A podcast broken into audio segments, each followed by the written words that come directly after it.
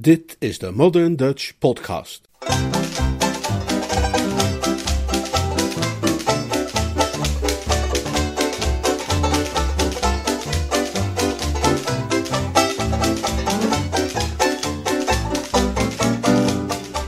Een stukje kunst. Een verhaal uit de bundel Uitstekend Jeeves van P.G. Woodhouse. Vertaald en voorgelezen door Leonard Beus. Ik gebruikte de lunch ten huize van mijn tante Dalia. En ondanks het feit dat haar meer dan voortreffelijke kok Anatole zichzelf beslist had overtroffen bij het bereiden van het dagelijkse rantsoen, moet ik bekennen dat het voedsel mij min of meer op de lippen stolde tot onverteerbare brokken. Ik had namelijk mijn tante een uiterst vervelende mededeling te doen, en dat vooruitzicht had een begrijpelijkerwijs funeste uitwerking op mijn eetlust. Ik wist dat wat ik haar te zeggen had haar niet zou bevallen, en wanneer haar iets niet beviel, hanteerde mijn tante Dalia, die het grootste deel van haar jeugd heeft doorgebracht op de rug van een paard bij het beoefenen van de jacht, een opvallend scherpe wijze van uitdrukken. Ik besloot daarom, ten einde ieders lijden te bekorten, de koe maar liever direct bij de horens te vatten. Tante Dalia, zei ik, mijn lot recht in de ogen blikkend, zeg het eens, jongen! Die cruise van u, weet u wel? Ja? Die cruise met uw jacht die u gepland hebt? Ja? Die hartstikke leuke cruise met uw jacht op de Middellandse Zee, waar u mij zo vriendelijk voor hebt uitgenodigd en waar ik al die tijd zo ongeduldig en vol verwachting naar heb uitgekeken? Vooruit, druiler, zeg het mij. Wat is daarmee? Ik slikte een brok cotelet suprême au chou-fleur met moeite door en gaf haar de schokkende info. Nou, het, het spijt me ontzettend, tante Dalia, maar ik kan helaas niet mee. Zoals ik al had voorzien, puilden haar ogen uit hun kassen. Wat zeg jij? Het spijt me. Hoe bedoel jij dat, ellendige hond? Ik kan niet mee. Nou ja, ik kan gewoon niet.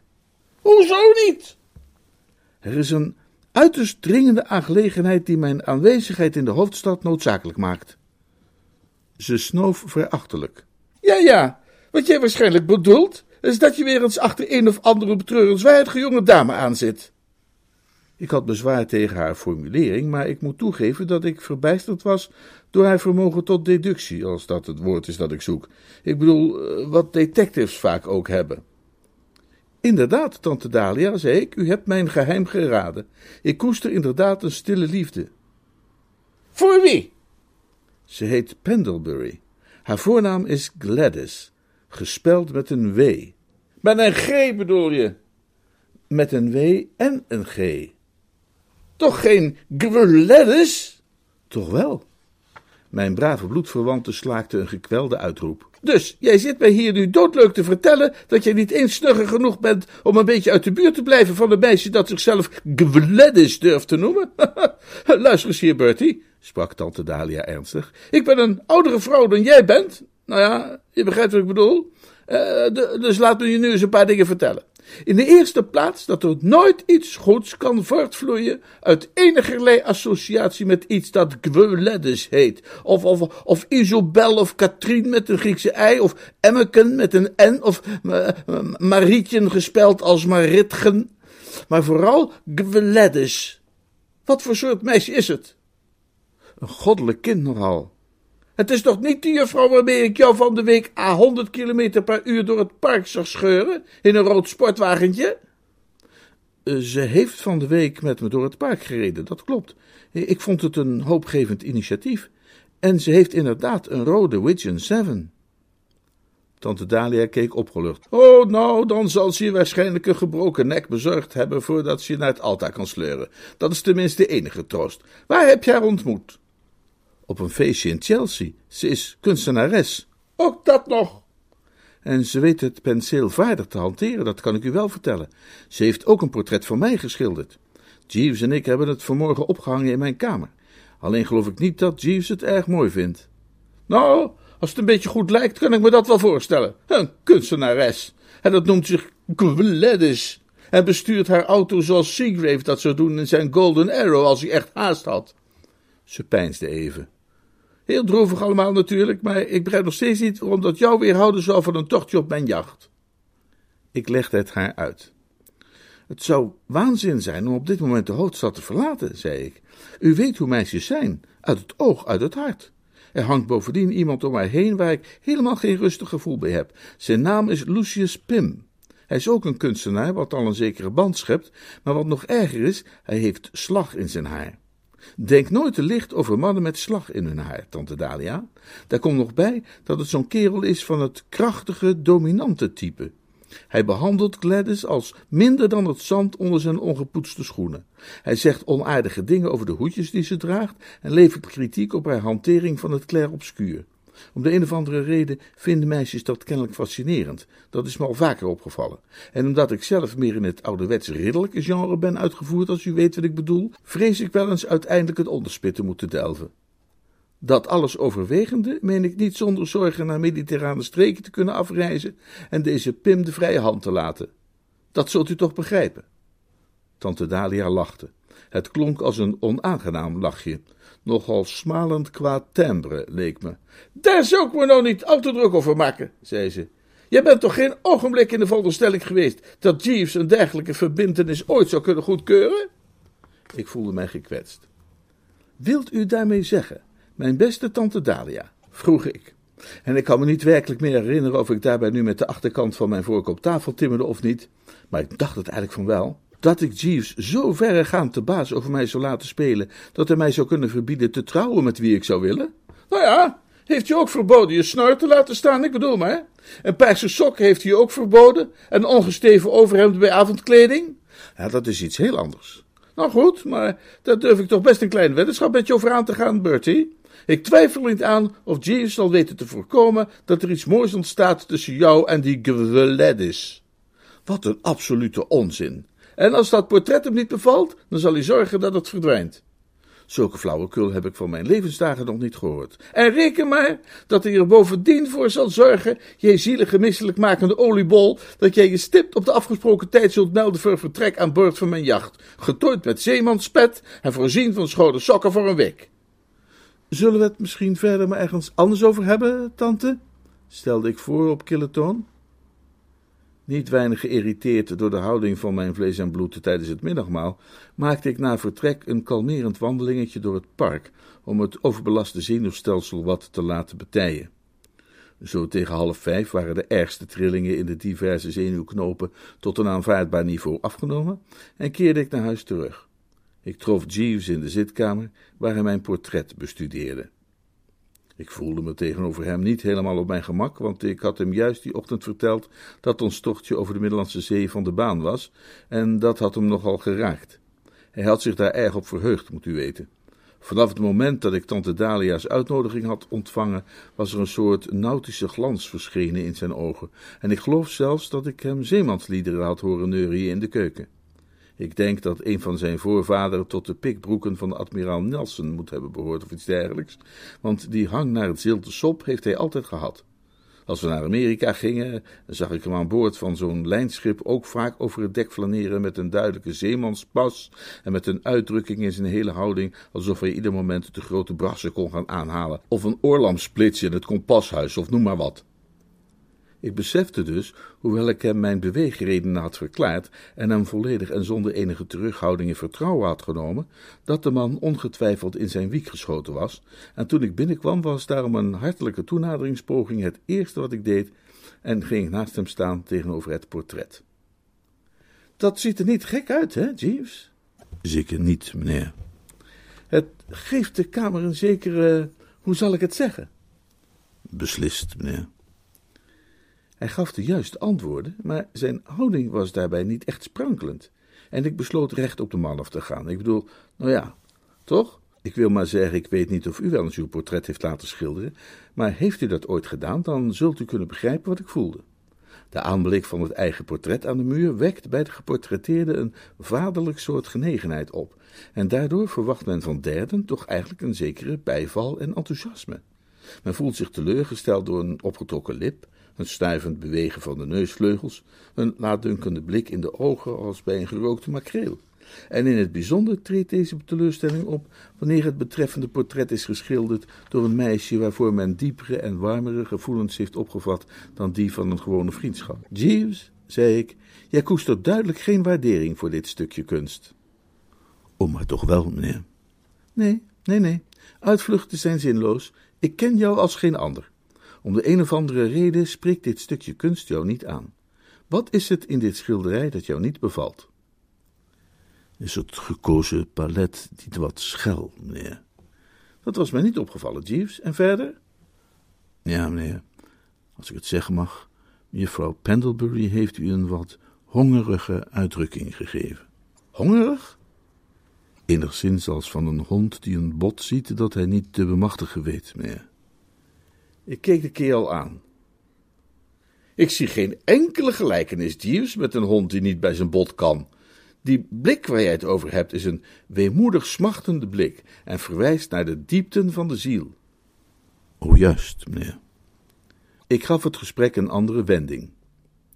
Mevrouw Pendlebury heeft gezegd dat ze vanmiddag misschien even lang zou komen om te kijken hoe het portret erbij hing. Is ze al geweest? Ja, meneer. Maar ze is alweer weg. Ja, meneer. Uh, er vandoor bedoel je? Zoals u zegt, meneer. En ze heeft niet toevallig gezegd dat ze nog even terug zou komen, neem ik aan? Nee, meneer. Ik kreeg niet de indruk dat het mevrouw Pendlebury's bedoeling was om nog eens terug te komen. Ze was enigszins ondaan, meneer, en uit het voornemen naar haar atelier te gaan om tot zichzelf te komen. Ondaan? Hoezo was ze ondaan? Door het ongeluk, meneer. Ik sloeg niet werkelijk mijn hand tegen mijn voorhoofd, maar mijn mentale hand tegen mijn mentale voorhoofd dan toch wel. Je, je wilt me toch niet vertellen dat ze een ongeluk heeft gehad? Toch wel, meneer. Wat voor ongeluk? Een verkeersongeluk, meneer. Is ze gewond? Nee, meneer. Alleen meneer, meneer. Welke meneer?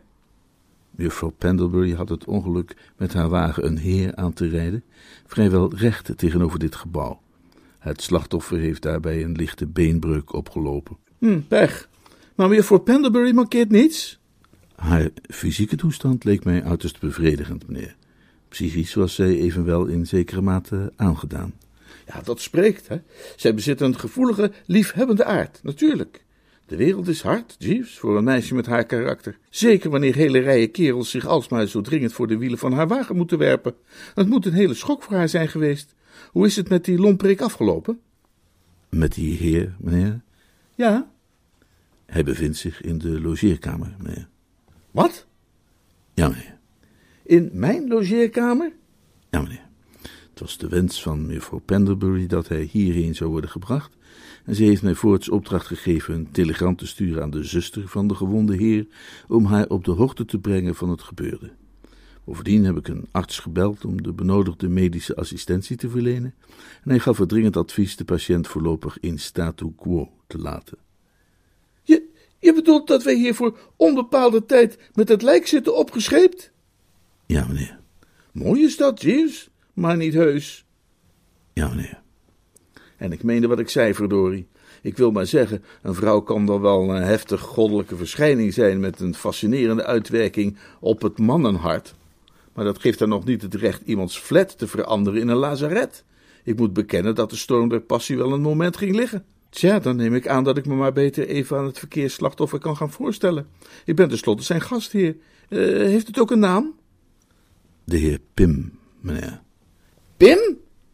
Ja, meneer. En de jonge dame sprak hem aan als Lucius.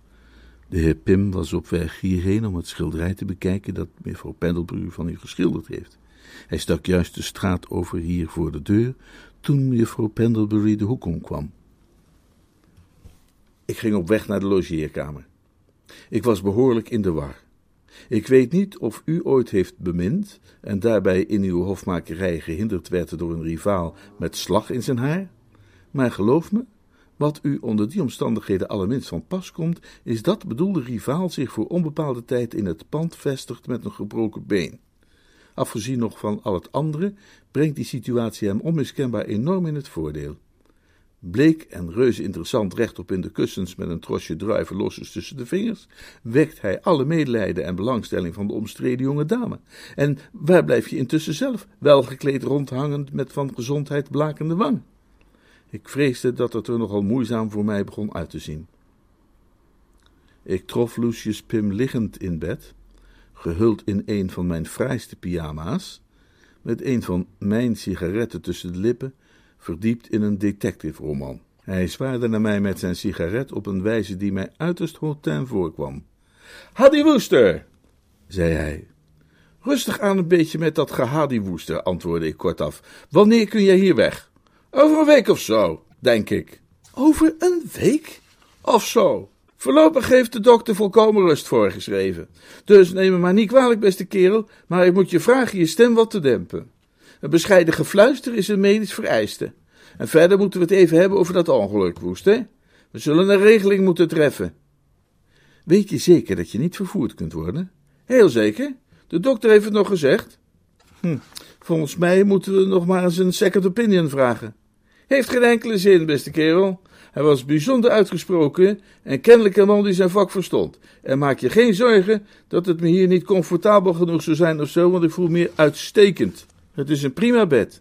Maar om nog even terug te komen op het ongeluk. Mijn zuster zal hier morgen arriveren. En ze is vast erg van streek. Ik ben haar lievelingsbroer.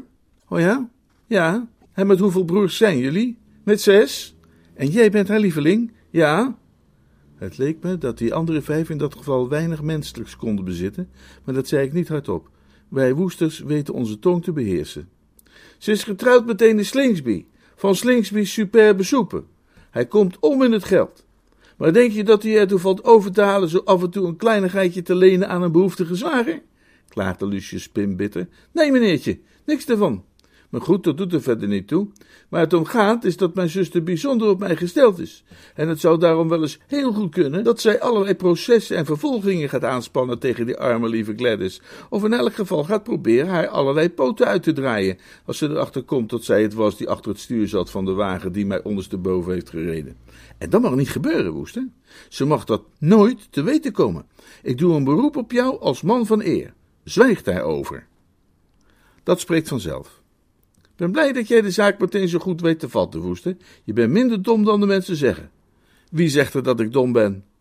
De vreselijke Pim trok zijn wenkbrauwen op. Huh, wie niet? zei hij. Maar kijk eens aan. Hoe dan ook, dat is dus in orde. Tenzij ik nog iets beters bedenk, zal ik tegen mijn zuster zeggen dat ik omvergereden ben door een auto die is doorgereden, zonder dat ik gelegenheid had het nummer te noteren. En nu kun je misschien maar beter weer even gaan, ja? De dokter heeft sterk aangedrongen op die volkomen rust. Bovendien wil ik dit verhaal graag even uitlezen. De schurk heeft zojuist een cobra door de schoorsteen laten zakken van de heldin en ik moet haar terzijde staan, dat begrijp je.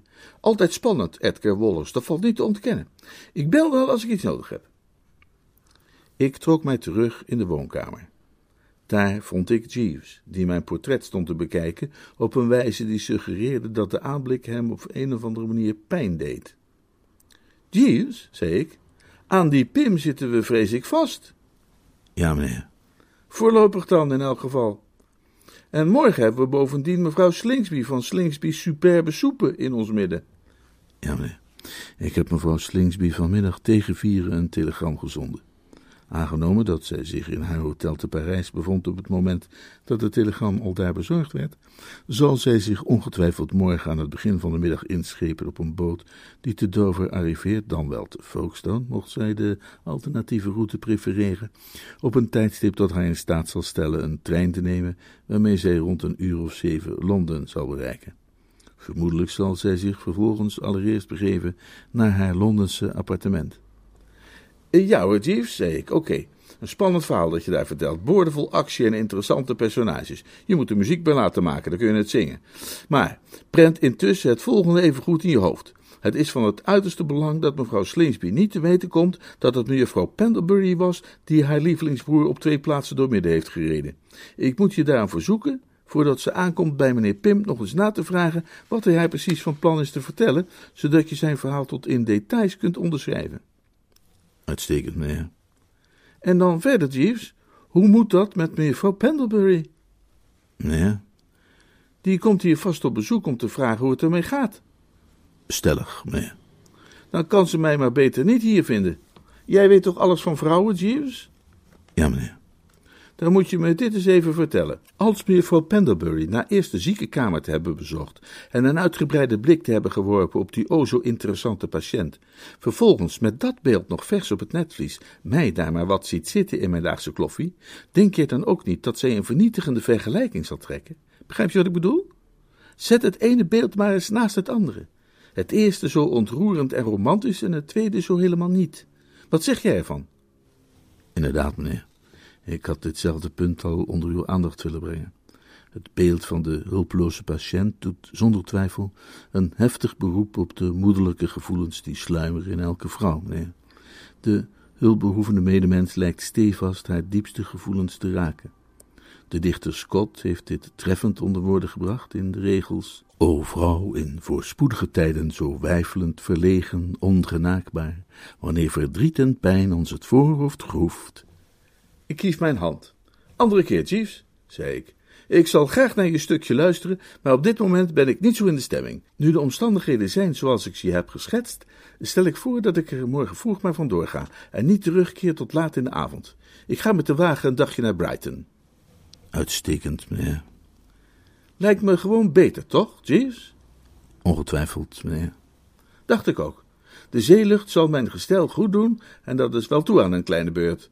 Het commando hier thuis draag ik aan jou over. Uitstekend, meneer. Doe de groeten aan mevrouw Pendlebury en zeg haar dat het me spijt, maar dat ik voor zaken ben weggeroepen. Zeker, meneer. En mocht La Slingsby behoefte hebben aan enige verfrissing, verstrek haar die dan in gepaste mate. Uitstekend, meneer. En oh ja, als je vergif doet in meneer Pim's soep, gebruik dan geen arsenicum, want dat is zo gemakkelijk aan te tonen. Ga naar een goede drogist en vraag om iets dat geen sporen achterlaat. Ik zuchtte en wierp een blik op mijn portret. Het is allemaal heel, je weet wel, Jeeves, dit. Ja, meneer. Toen dat portret geschilderd werd, was ik een gelukkig man. Ja, meneer. Ach ja, Jeeves. Zeer juist, meneer. En daar lieten we het bij. Het was nogal laat toen ik de volgende avond thuis kwam. Ik had die dag een ruime hoeveelheid ozon gesnoven, goed gedineerd en de thuisrit was uiterst plezierig geweest. De maan scheen en het trouwe karretje snorde er lustig op los. Kortom, ik voelde mij weer in opperbeste stemming, zozeer zelfs dat ik bij het passeren van Purley spontaan in enig gezang was uitgebarsten. De geest van de Woesters is een opgetogen geest, en in de Woesterse boezem had het optimisme zich opnieuw gevestigd. Zoals ik het nu zag, begreep ik mij te hebben vergist door te denken dat een vrouw noodzakelijkerwijs warme gevoelens zal koesteren voor een man enkel en alleen omdat hij zijn been heeft gebroken. Natuurlijk zou Gladys Pendlebury zich aanvankelijk even aangetrokken voelen tot die Pim als ze hem daar zo zag liggen, min of meer total los maar het zou niet lang duren voordat ook andere gedachten en gevoelens haar bekropen. Ze zou zich af gaan vragen of het wel verstandig zou zijn haar levensgeluk in handen te leggen van een man die niet eens bij de hand genoeg was om opzij te springen als hij een auto aan ziet komen. Ze zou zichzelf voorhouden dat als zoiets één keer was voorgekomen, het voor hetzelfde geld telkens opnieuw zou kunnen gebeuren, jaar in jaar uit. En ze zou ongetwijfeld terugschrikken voor een huwelijksleven dat gekenmerkt werd door eindeloze bezoeken aan ziekenhuizen en het voortdurend moeten bezorgen van fruitmanden. Ze zou beseffen oneindig veel beter af te zijn met een kerel als Bertrand Booster, die, wat verder ook zijn tekortkomingen mochten wezen, tenminste keurig op het trottoir bleef en eerst goed naar links en rechts keek voordat hij overstak. Ik was dus in een uitstekend humeur toen ik de auto in de garage zette, en het was met een vrolijk tralala op de lippen dat ik de huisdeur binnentrad, juist op het moment dat Big Ben elf begon te slaan. Ik schelde om Jeeves en prompt, alsof hij mijn wensen al geraden had, kwam hij de kamer binnen, compleet met sifon en whiskyfles. Daar zijn we weer, Jeeves, zei ik, terwijl ik de whisky van soda voorzag. Ja, meneer. Eh, wat is er tijdens mijn afwezigheid zoal gebeurd? Is mevrouw Pendlebury nog gekomen? Ja, meneer. Rond een uur of twee. En hoe laat ging ze weer weg? Rond de klokken van zes, meneer. Dat klonk me niet al te best in de oren. Een bezoek van vier uur leek me een sinister teken. Maar goed, er was niets aan te doen. En mevrouw Slingsby? Zij arriveerde kort na achten en ging om tien uur weer weg, meneer. Aha. En was ze erg nijdig? Ja, meneer. vooral toen ze wegging. Ook wenste zij u bijzonder dringend te spreken, meneer. Wilde ze mij spreken? Ja, meneer. Ze wilde natuurlijk haar dank uitstamelen, neem ik aan, omdat ik haar lievelingsbroer zo ridderlijk en gastvrij heb opgenomen en verzorgd, en een plek geboden om zijn kreupele been te strekken. Denk je niet? Het is mogelijk, meneer. Anderzijds verwees zij naar uw persoon in termen die een sterke afkeuring inhielden, meneer. Wat deed ze? Zwakzinnige idioot was een van de uitdrukkingen die zij hanteerde, meneer. Zwakzinnige idioot? Ja, meneer. Ik snapte er niets van. Ik begreep eenvoudig niet waarop het mens haar oordeel baseerde. Mijn tante Agatha, ja, die zegt regelmatig dat soort dingen over mij, maar die heeft mij dan ook van kindsbeen afgekend. Dit moet ik even nader uitzoeken, Jeeves. Slaapt de heer Pim? Nee, meneer. Hij schelde nog zojuist om te vragen of wij geen beter merk sigaretten in huis hadden. Oh ja, deed hij dat? Ja, meneer. Zijn been mag dan gebroken zijn, aan zijn grote mond mankeert kennelijk niks. Nee, meneer. Ik trof Lucius Pim opnieuw rechtop in de kussens en verdiept in zijn detective-roman. Hadi Woeste, zei hij, welkom thuis. Zeg, voor het geval je ongerust mocht zijn geweest, met die cobra is allemaal in orde gekomen. Hè? De held had, zonder dat de boef het wist, dat beestje onder handen genomen en het zijn giftanden uitgetrokken. Met als resultaat dat toen de cobra door de schoorsteen was gevallen en woedend de heldin van het verhaal probeerde te bijten, daar helemaal niks van terecht kwam. Ik denk dat geen cobra zich ooit zo zullig heeft gevoeld. Ja, die cobra's doen er nou even niet toe. Nou, dan kun je nu wel zeggen dat cobra's er niet toe doen, zei Lucius Pim op een mild bestraffende toon. Maar reken maar dat cobra's er wel degelijk toe doen, als hun giftanden niet toevallig zijn uitgetrokken. Vraag maar aan iedereen. En tussen haakjes, mijn zuster is op bezoek geweest en die wil jou graag even spreken. Ja, en ik wil haar graag even spreken. Kijk eens aan. Twee zielen, één gedachte. Waar ze het over hebben wil met jou, is dat ongeluk van mij. Weet je toch wat voor verhaal ik haar daarover op de mouw wilde spelden? Over die auto die was doorgereden? De afspraak was, als je je nog kunt herinneren, dat ik haar dat alleen zou vertellen als ik niet op iets beters kon komen. Gelukkig ben ik inmiddels op iets veel beters gekomen. Ik had het opeens, in een flits, toen ik zomaar wat naar het plafond lag te staren. Want weet je, dat verhaal over een auto die brutaalweg doorreed was natuurlijk wat mager. Mensen rijden niet zomaar door als ze iemand overhoop hebben getoeterd en zijn been gebroken. Daar zou ze niet zijn ingetrapt. Dus heb ik haar verteld dat jij het hebt gedaan. Dit was deel 1 van Een stukje kunst. Volgende week hoort u in de Modern Dutch podcast de tweede helft van dit prachtige verhaal.